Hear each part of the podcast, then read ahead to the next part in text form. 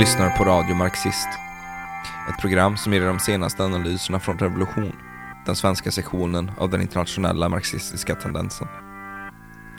Besök gärna vår hemsida, www.marxist.se, för regelbundna uppdateringar och analyser från Revolution. Där kan du också prenumerera på vår tidning, ge oss ett bidrag och gå med i kampen för socialism. I detta avsnitt ska ni få höra Fredrik Albin Svensson diskutera covid-19 och lärdomarna från Italien, Spanien och USA. Den 28 mars bildade en grupp vårdarbetare en eh, Facebookgrupp som heter Hashtag vägra sänka hygienkraven. Inom loppet av en vecka fick den här gruppen 60 000, över 60 000 medlemmar. Och det inlägget som fick, tror jag, flest likes av alla skrevs av Helena Borg som arbetar på Sahlgrenska i Göteborg. Hon skrev Vem fan av oss som står mitt upp i all katastrof vill ha applåder och hjärtan och höra att vi är värdefulla. Vi vill ha ordentligt betalt, bättre tider och virustäta munskydd. Ingen polis behöver göra en insats utan skyddsväst och höra av sin chef att ta på en tjockare tröja för att det skyddar ungefär lika bra. Ingen brandman behöver stå i shorts och tröja när det brinner utan de har sin säkra skyddsutrustning. Vi som har ett av världens mest farliga och utsatta jobb just nu får ett litet silkespapper till munskydd och en klapp på axeln förväntas klara livet på alla utom oss själva. Som vårdpersonal är vi inte ens värda skiten under skorna på de som bestämmer. Det har de gjort väldigt tydligt. Ett inlägg som inte delades i den här gruppen men som delat tusentals gånger på Facebook och fått över 46 000 likes. Det skrevs om en sjuksköterska på ehm, Karolinska i Stockholm. Mina anklar är svullna, benen så tunga att det knappt orkar bära min kropp. Ryggen värker, huvudet dånar. Jag försöker stänga av. Sluta tänka på denna mardrömslika dag. Och så avslutas det. Politiker med, med makt, era brandtal, era klappningar är inget annat än en käftsmäll. Och I början av krisen hade Danmark faktiskt fler dödsfall än Sverige per tusen invånare. Nu har Sverige dubbelt så många dödsfall per tusen invånare som Danmark. Sverige har fyra gånger så många dödsfall per tusen invånare som Norge. Och om man justerar för hur länge viruset har funnits i landet så har Sverige fler dödsfall per tusen invånare än vad Italien hade vid samma tidpunkt. Och måndag till fredag den här veckan så kom det rapporter om 469 nya döda personer i coronaviruset i Sverige. Det är en fördubbling mot veckan före. I tisdags fanns smittan på över hälften av Stockholms äldreboenden. Jag skulle tro att situationen är betydligt värre idag på äldreboenden. Den 8 april skrev Expressen ett eh, faktiskt väldigt bra reportage om eh, situationen på ett par olika äldreboenden i Stockholm. Den hette Larmet från undersköterskorna. Över 10 av de 50 boende har konstaterat Corona och personalen använder samma munskydd när de sköter sjuka som när de går in till friska. Lovette berättar att det vid ett tillfälle bara fanns tre munskydd på hela boendet och att undersköterskorna då fick turas om att ha munskydd. De som varit inne hos de coronasjuka är ofta rädda, ledsna och frustrerade. Vi gråter i omklädningsrummet, håller avstånd från varandra som om vi vore pestsmittade. Och även om ingen vill bråka blir stämningen irriterad när alla är så spända. Det är otroligt tungt psykiskt, säger Lovette. Händerna och underarmarna är fnasiga och kliar och sviter, svider av all handtvätt. Visiren räcker inte till alla och undersköterskorna dricker hett vatten med ingefära i hopp om att stå emot viruset bättre. För egen del har hon de senaste två veckorna jobbat 55 timmar extra men till skillnad från anställda vid intensivvården i Region Stockholm som i krisavtalet lovats 220 procent av sin grundlön får undersköterskorna vid det här äldreboendet inte ens ta ut övertiden i pengar. Och det har alltså gått en och en halv månad nu sedan det första fallet kom utanför Kina. Det har gått faktiskt mer än en och en halv månad. Var är skyddsåtgärderna? Var är skyddsutrustningen? Var är extra personal? Regeringen, Folkhälsomyndigheten och Socialstyrelsen de har haft mer än en och en halv månad på sig att skaffa ens de mest grundläggande grejerna. Det råder massiv brist på skyddsutrustning i vården. På äldreboendena får man alltså dela visir. Munskydd, om man ens har dem, vilket inte är garanterat. Absolut inte garanterat. Det råder det en massiv brist på. Personalen förlitar sig alltså år 2020 på hett vatten med ingefära för att inte bli sjuka. För att inte då tala om alla andra arbetsplatser i samhället, alltså restauranger, krogar, industrier, skolor och så vidare och så vidare.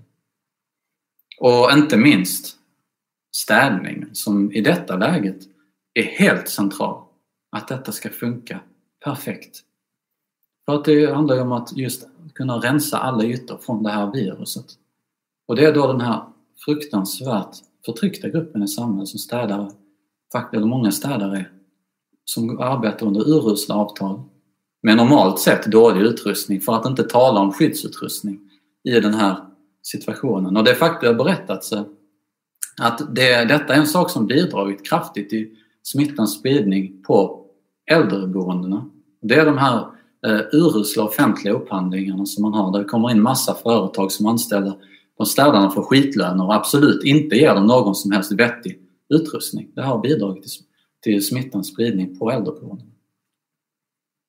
Och regeringen och myndigheterna i Sverige de säger att de inte, att de inte arbetar efter idén om flockimmunitet.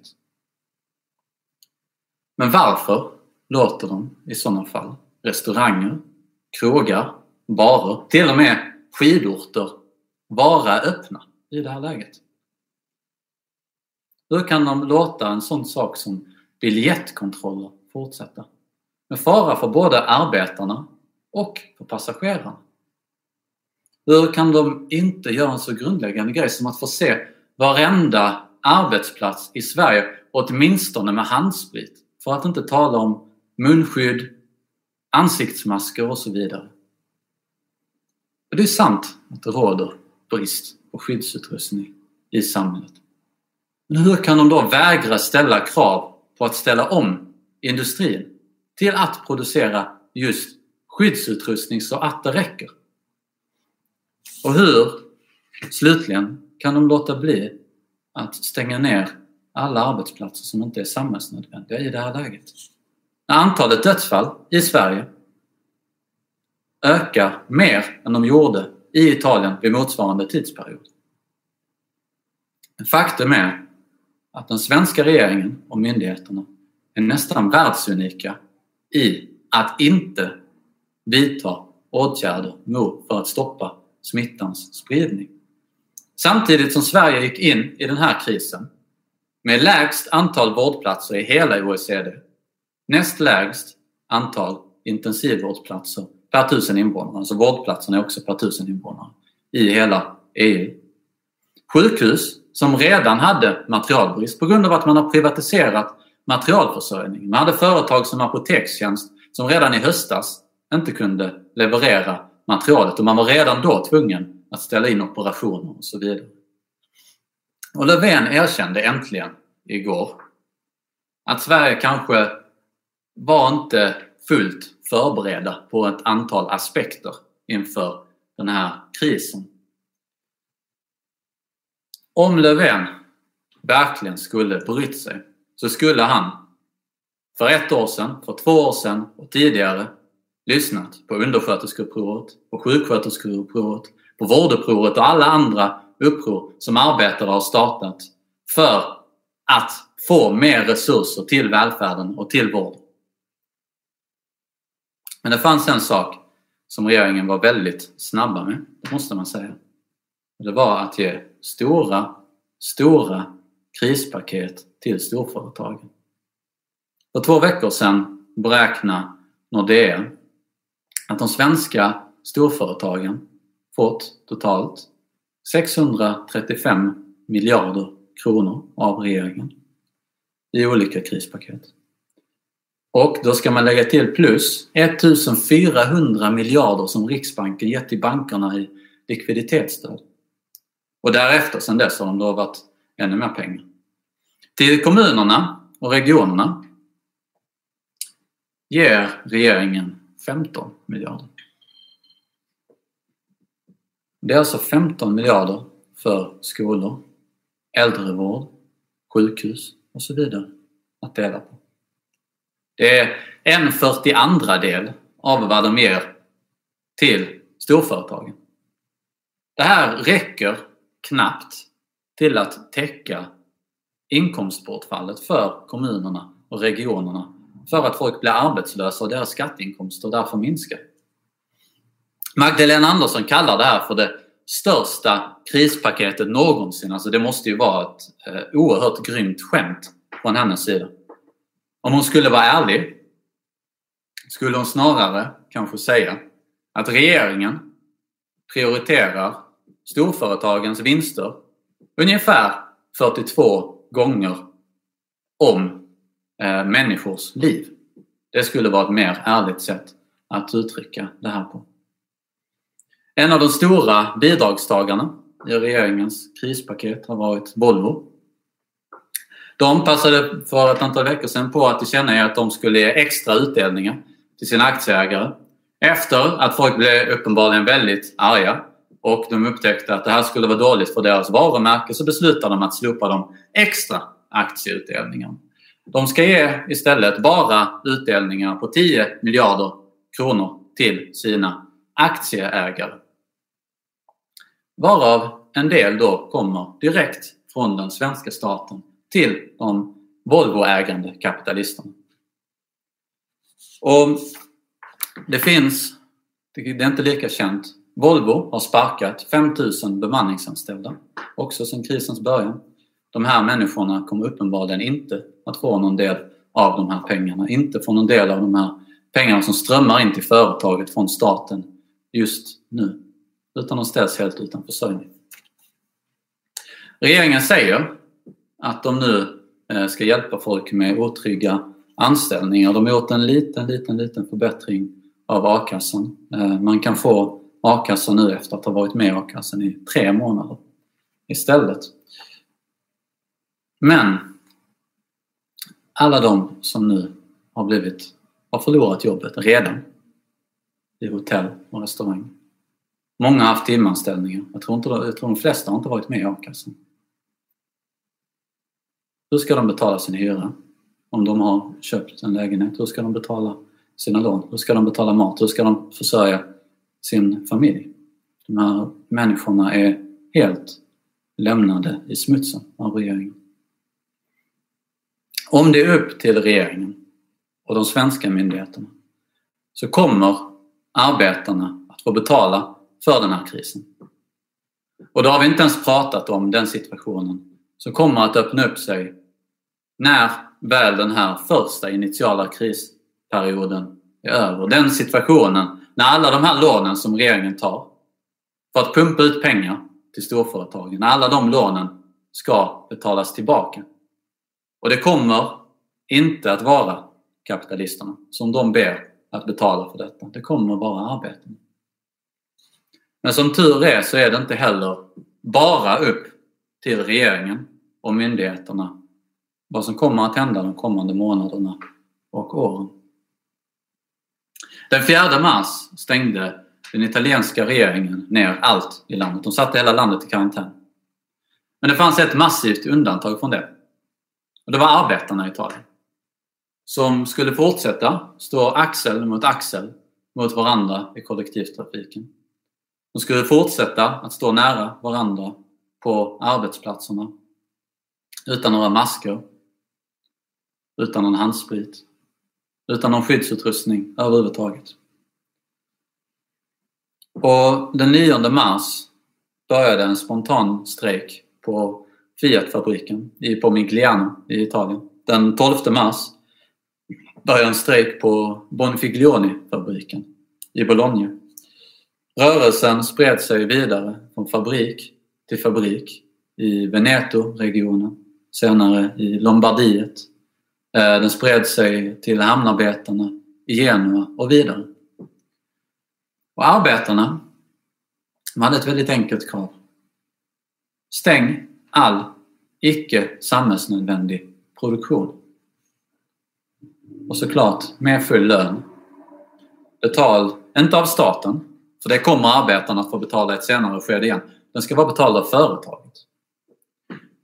Och de kämpade alltså för sin egen säkerhet, för sin familjs säkerhet, men också såklart för att, som de uttrycker det, platta ut kurvan eller om man vill säga det på ett mindre abstrakt sätt, rädda människors liv, underlätta situationen för människor i vården genom att inte för många människor blir sjuka samtidigt.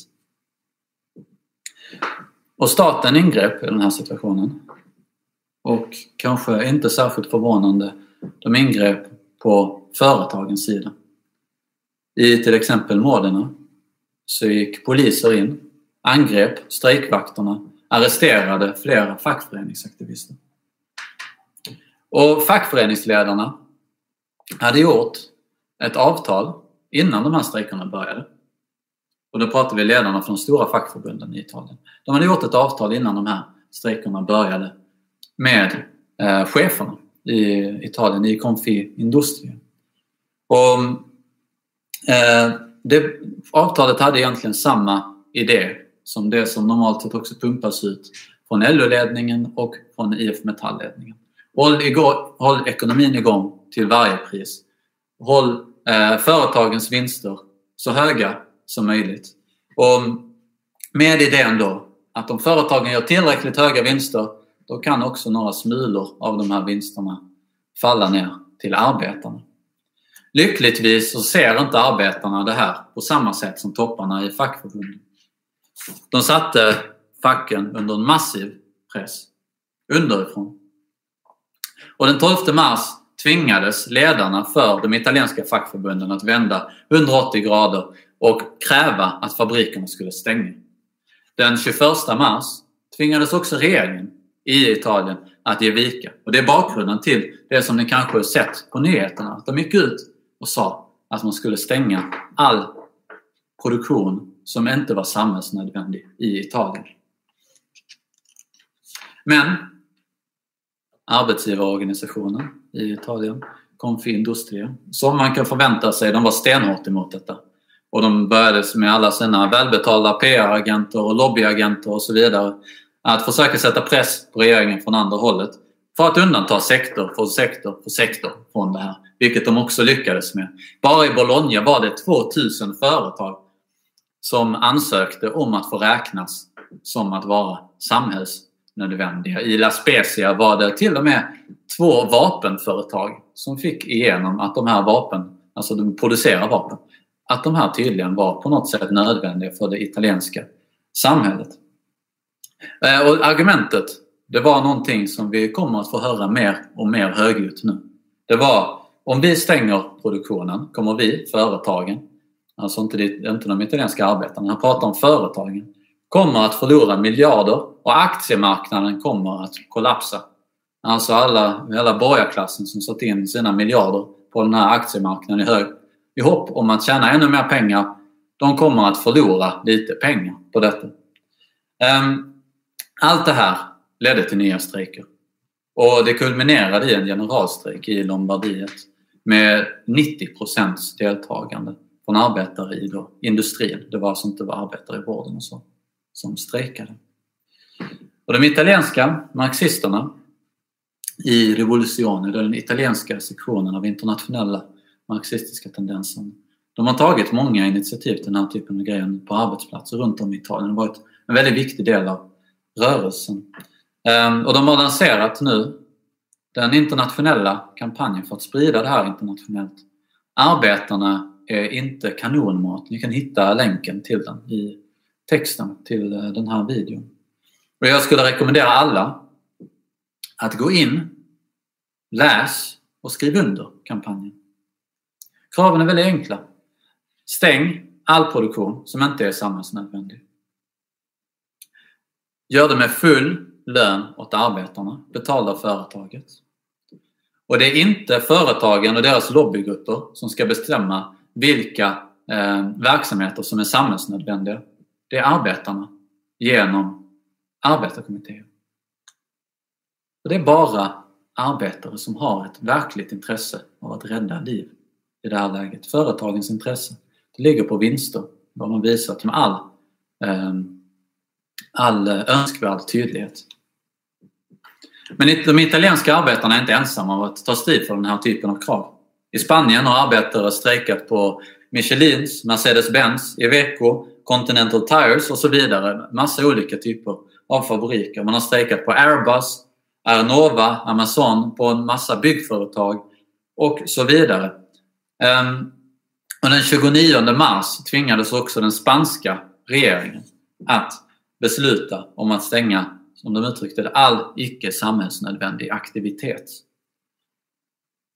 Återigen, Spanien, samma sak som Italien. Plötsligt så tillkännager alla företag att vi är minsann samhällsnödvändiga. Antagligen inte för någonting annat än att producera miljardvinster till kapitalisterna men det är väl det de anser själva är nödvändigt. Det är behovet av det här samhället. Så de spanska marxisterna, precis som de italienska och precis som vi gör i IMT, tagit strid för att det är arbetarna som ska bestämma om, det är, om den produktionen verklig, eh, verkligen är nödvändig. Och via kommittéer också avgöra om arbetarna på plats verkligen har den nödvändiga skyddsutrustningen, vilket eh, företagen alltid påstår när de levererar all den skyddsutrustning. I Frankrike har det också skett en mängd strejker för att stänga arbetsplatser som inte är samhällsnödvändiga. Till exempel på ett Amazon-varuhus. Där krävde arbetarna skyddsutrustning. De fick ingen skyddsutrustning. Hundratals arbetare som kommer till arbetet varje dag riskerar att smitta varandra. Samtidigt som de här cheferna, de arbetar ju väldigt bekvämt hemifrån. Det är inget problem för dem. Så arbetarna valde att gå ut i strejk. Och mitt i den här situationen, vad gjorde ledarna för det största facket i Frankrike? Deras motsvarighet till LO. De eh, skrev ett gemensamt uttalande ihop med arbetsgivarorganisationen om vikten av social dialog och annat som låter väldigt vackert.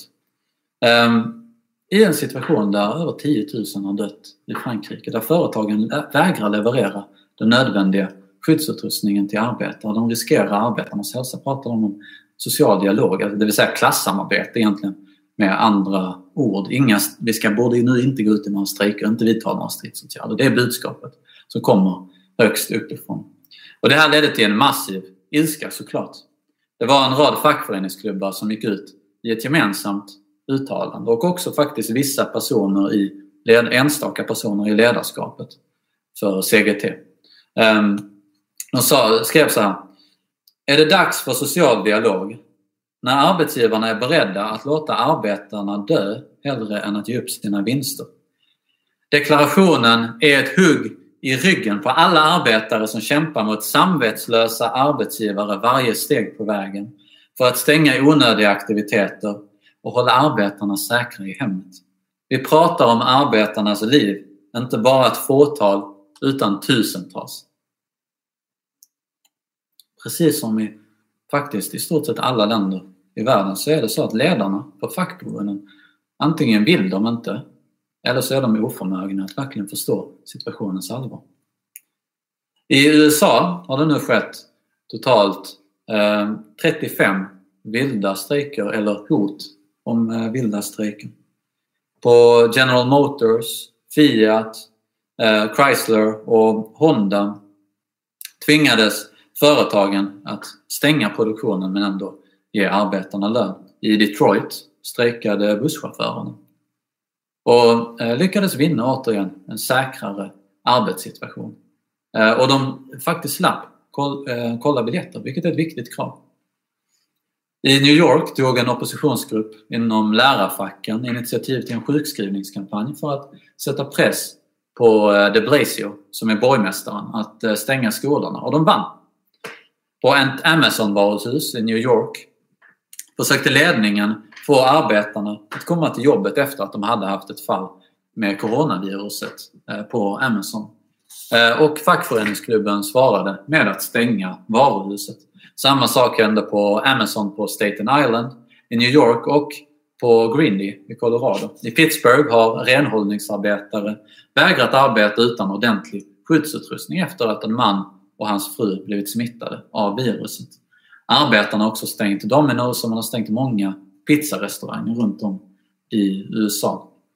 Och vi borde verkligen inspireras av detta för att det är precis den här typen av grejer som skulle behövas i Sverige.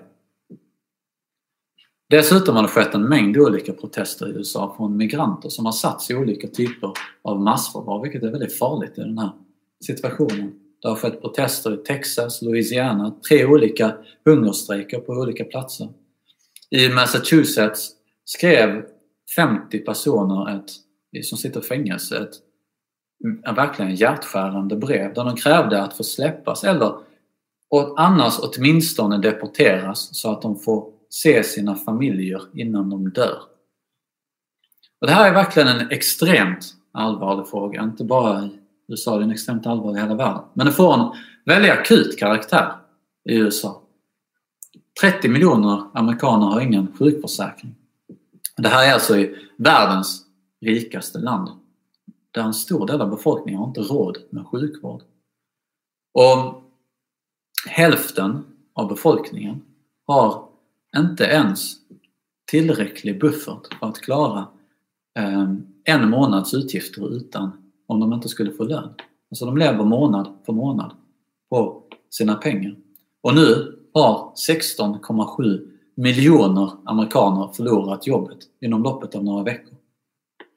Och Trump han försökte ju, precis som många, många andra ledare världen över, att säga att det här viruset kommer inte nå USA av någon oklar anledning.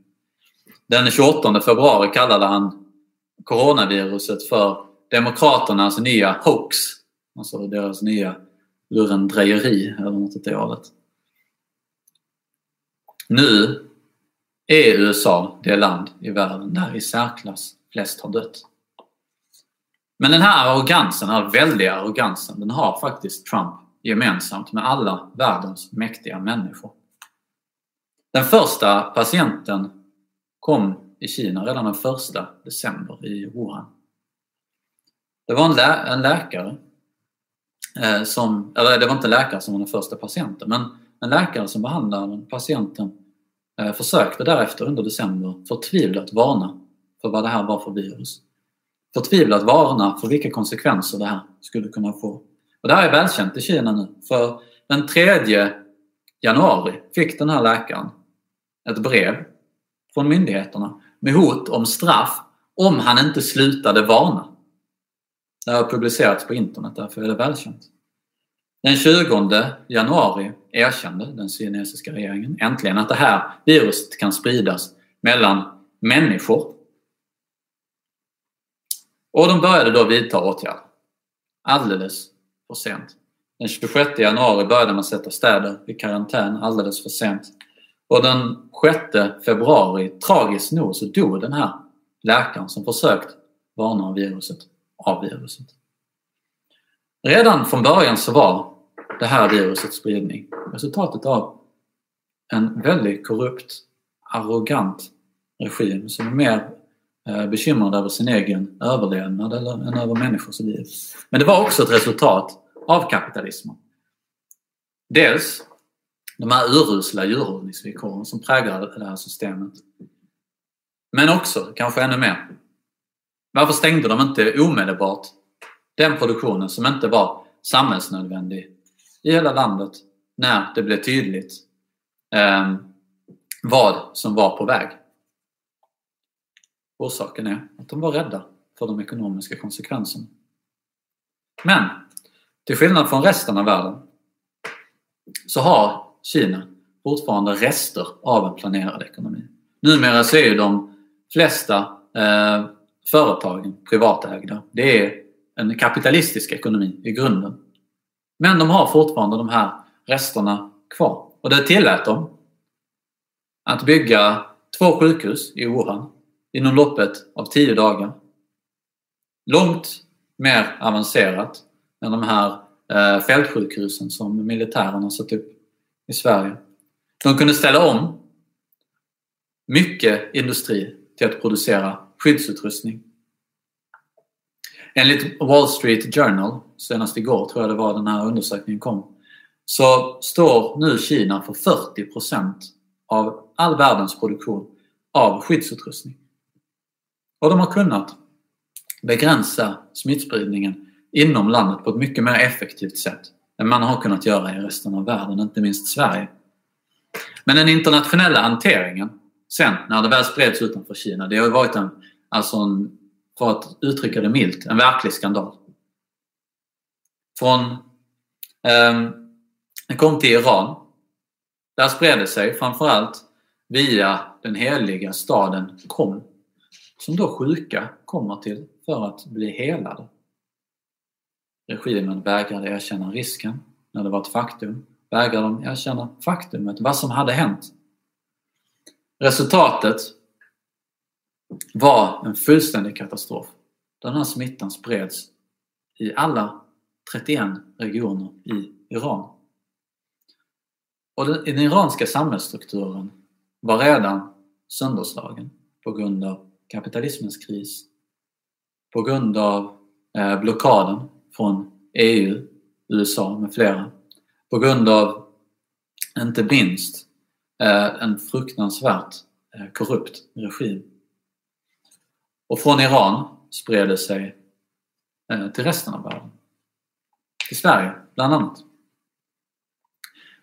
Och här någonstans, eller egentligen tidigare, så börjar Folkhälsomyndighetens serie av misstag börjar med att säga i januari, det kommer inte spridas utanför Kina. Den 28 januari säger de det är liten, eller mycket liten risk att det här viruset sprider sig till Sverige.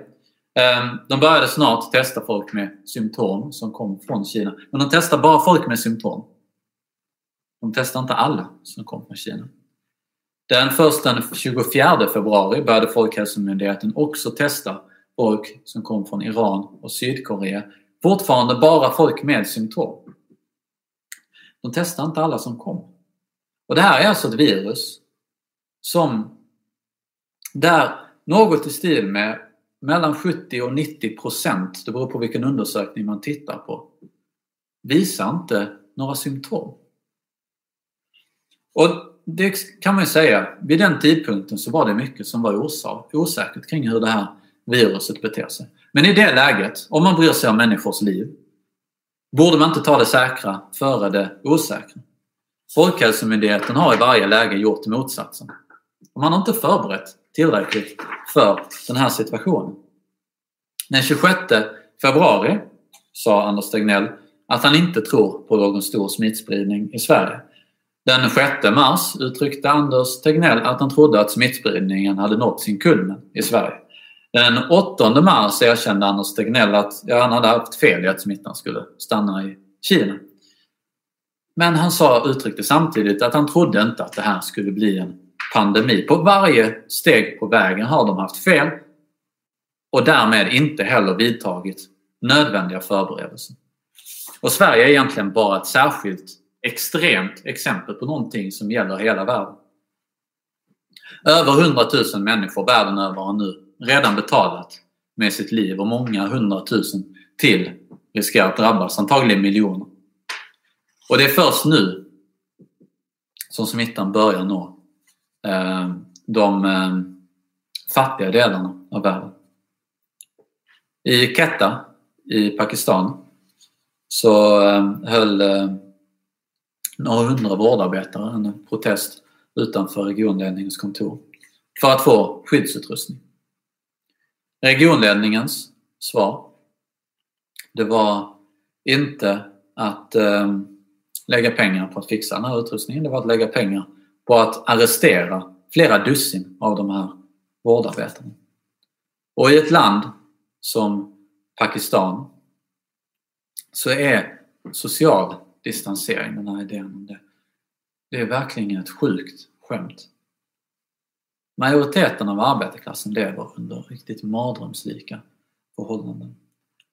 Och nu förlorar miljoner människor jobbet, därmed all inkomst. Många städer i Pakistan har det här redan lett till hungerskravaller. Vi står inför en riktig, riktig mänsklig katastrof i Pakistan och i många, många andra länder. Den pakistanska sektionen av IMT de driver en fackföreningsfront som kallas Red Workers Front. De har tagit strid nu. De var, en av deras kamrater var, eller våra kamrater var um, bland de arresterade i, av den här regionledningen.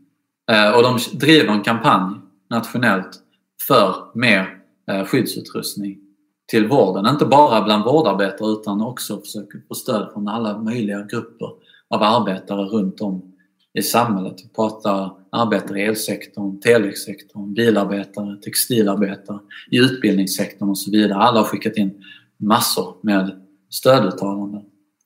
Och om ni vill stötta det här otroliga arbetet som de gör i en fruktansvärd situation så swisha ett bidrag till oss. Skriv IMT Pakistan. Det finns en länk här nere. Så, eh, så ser vi till att pengarna kommer fram. Det gör väldigt stor skillnad i ett sånt land. Och jag har inte tid att gå igenom alla olika länder, vad som håller på att hända där. I Kanada så har arbetarna på Fiat Chrysler strejkat. I Österrike har eh, metallarbetare i Linz strejkat. På Nordirland har det skett en strejkvåg i, i livsmedelsindustrin bland arbetare som arbetar under extremt usla villkor. I Storbritannien har det skett strejker bland, stor, eh, bland soparbetare, städare, lagerarbetare och så vidare. Vi borde verkligen ta inspiration från alla de här arbetarna. I hela världen så håller kapitalismen just nu på att visa sitt verkliga ansikte. Vi har en massiv industriell kapacitet på världsskalan. Vi kan till och med producera maskiner som kör bilar bättre än vad människor gör. Men vi kan tydligen inte ens fixa munskydd och handsprit till arbetarna. Inte ens i vården och omsorgen kan vi tydligen fixa detta. Och den här så kallat fria marknaden kräver nu miljarder dollar i nödhjälp. Men inte för att tillfredsställa några mänskliga behov. Bara för att ge kapitalisterna, bara för att garantera kapitalisternas vinster, de rikas vinster. Och situationen, det får en verkligen att tänka på ett citat ur eh, den arbetande klassens läge i England som skrevs av Engels i mitten på 1800-talet.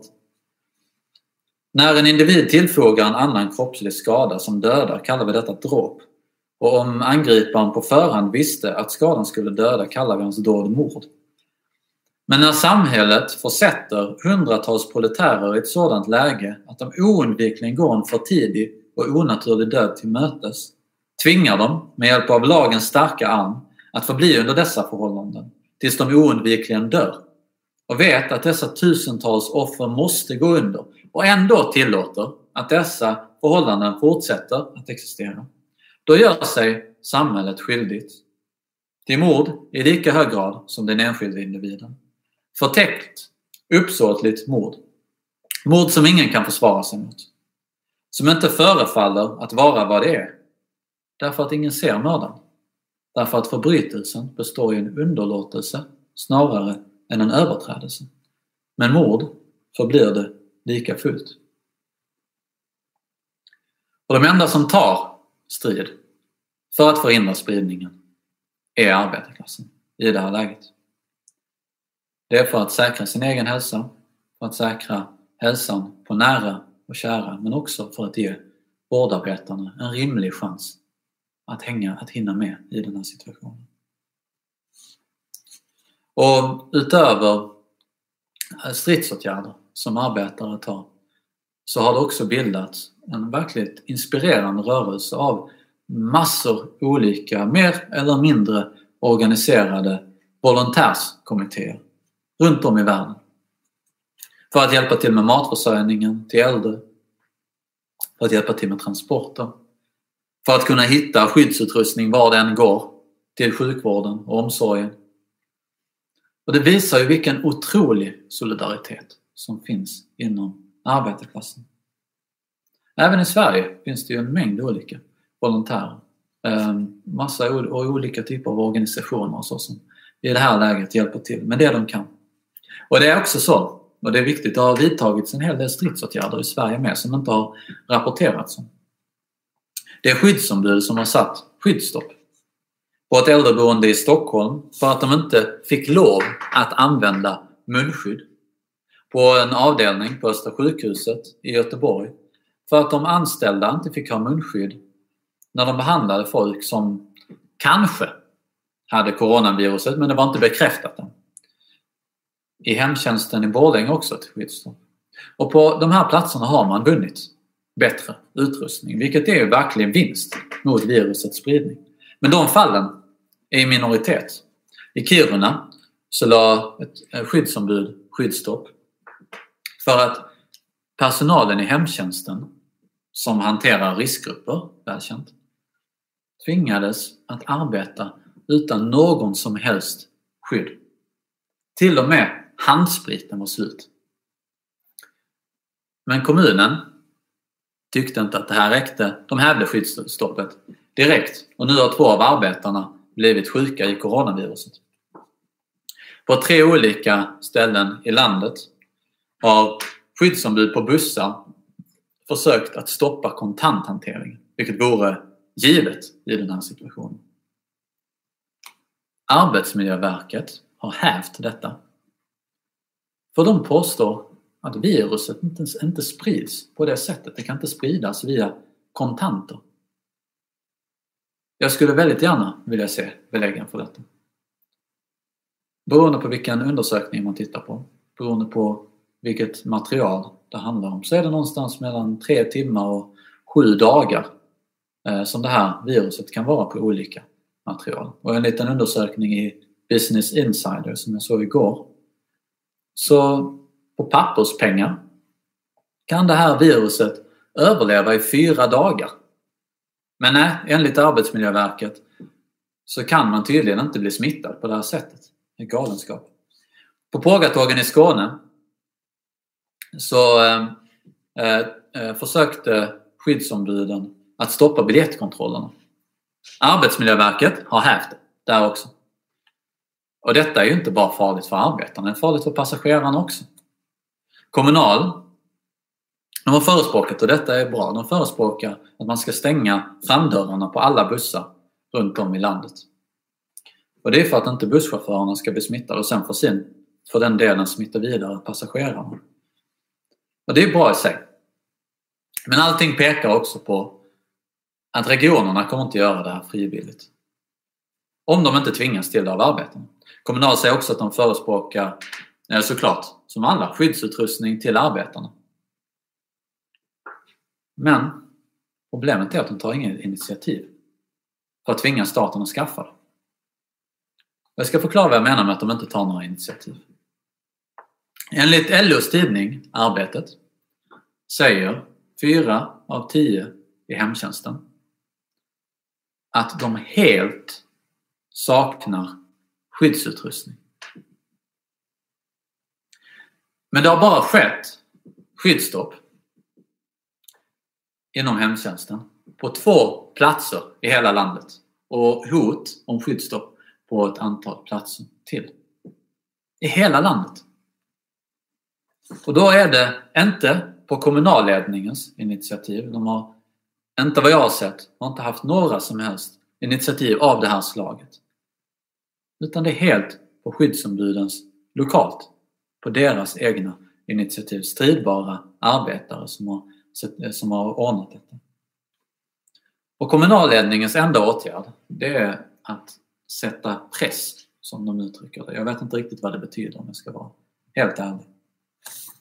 Hela den här situationen, det är faktiskt en förkrossande dom över Kommunals ledning. Det är en förkrossande dom över hela LO-ledningen som inte tar någon seriös strid. Om Kommunals ledning seriöst bryr sig om sina medlemmars liv så borde de omedelbart ta strid för fullgod skyddsutrustning för alla arbetare till att börja med dem i vården. Stäng då arbetsplatser som inte är nödvändiga eller samhällsviktiga för att bromsa smittspridningen så mycket som möjligt. Med full lön till arbetarna. Snabbutbildningar med garanterade fasta anställningar för att få in så många som möjligt till att på olika sätt kunna hjälpa till i vården. Förstatliga sjukvården, äldreomsorgen, materialförsörjningen. Avskaffa den offentliga upphandlingen helt och hållet. Ge de här arbetarna ordentliga anställningar med bra lön. Och inordna alla samhällets resurser i en nationell vårdplan. För att bekämpa det här viruset, för att rädda så många liv som möjligt. Upprätta arbetarkommittéer i industrierna som kan samordna med vårdpersonalen. Vad som behöver produceras. Och så kan diskutera var det kan produceras. Snabbt. Ställ om hela industrin. All industri som går. För produktion av skyddsutrustning och medicinsk utrustning. Och om något företag saboterar det här arbetet, vilket jag kan tänka mig att det skulle finnas ett antal som skulle göra, nationalisera det. Och de här kraven skulle kunna hjälpa till, inte att lösa krisen. Det är för långt gånget för det, för att man bara skulle enkelt lösa det. Men åtminstone att rädda så många som bara är möjligt. Kommunal och de andra fackförbunden, för detta påverkar alla arbetare. De borde gå ut i en massiv nationell kampanj för att ställa om hela samhället, för att hjälpa vården, för att rädda så många liv som möjligt. Och alla grupper som kan vidta stridsåtgärder för den här typen av krav utan att det skadar vården. Man, får ju, man kan anpassa stridsåtgärderna för det. De borde göra det. Och då skulle man kunna prata om att sätta press om fackföreningen skulle göra detta. Men just nu finns det ingenting som pekar på att fackförbundens ledningar är beredda att ta strid för den här typen av krav. Tyvärr.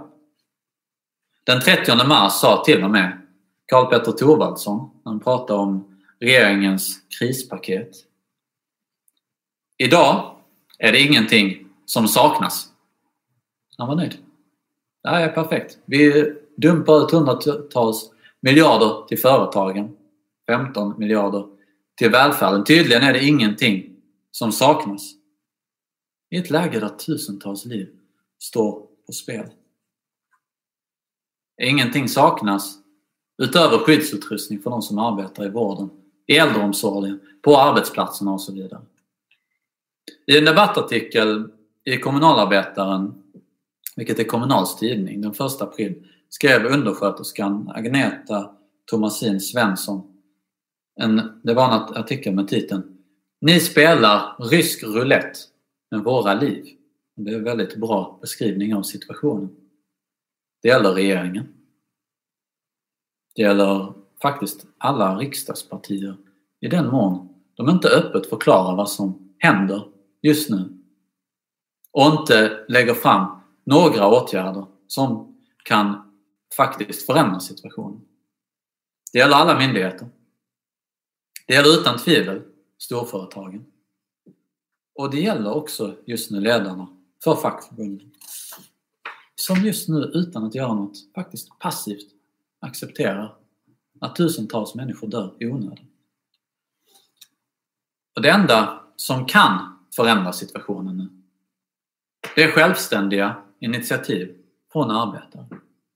I vården och omsorgen för skyddsutrustning, snabbutbildningar med garanterad fast anställning, i kollektivtrafiken för att helt stoppa biljettkontrollerna, för att stänga framdörrarna på bussarna, för att garantera skyddsutrustning för alla arbetare, för att garantera skyddsutrustning för inte minst städarna och fast anställning för städarna också, så de kan göra jobbet ordentligt. Ehm, på industrierna för att ställa om så många industrier som möjligt för att producera den nödvändiga skyddsutrustningen under arbetarnas kontroll i samarbete med vårdarbetarna. För att stänga alla industrier som inte kan ställas om med full lön till arbetarna betalda företaget. Och för att nationalisera de här företagen som kommer sabotera det här arbetet.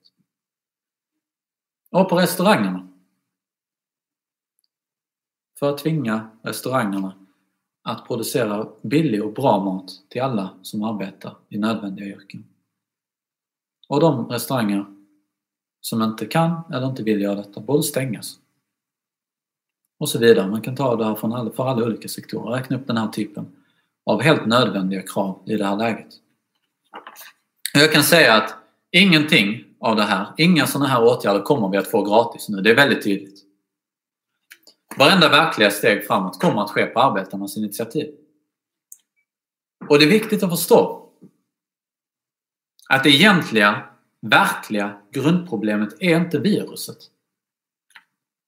Det verkliga problemet är att alla industrier, alla banker, storföretagen är ägt av en liten parasitär klick på samhällets topp, de rika, borgarklassen, och de drivs i deras intresse. Och staten, staten går deras ärenden. Och därför är det inga länder som har ägnat den senaste månaden åt att ställa om hela samhället för att hjälpa vården. Vilket hade varit nödvändigt. Om vi ägde ekonomin gemensamt under arbetarnas demokratiska kontroll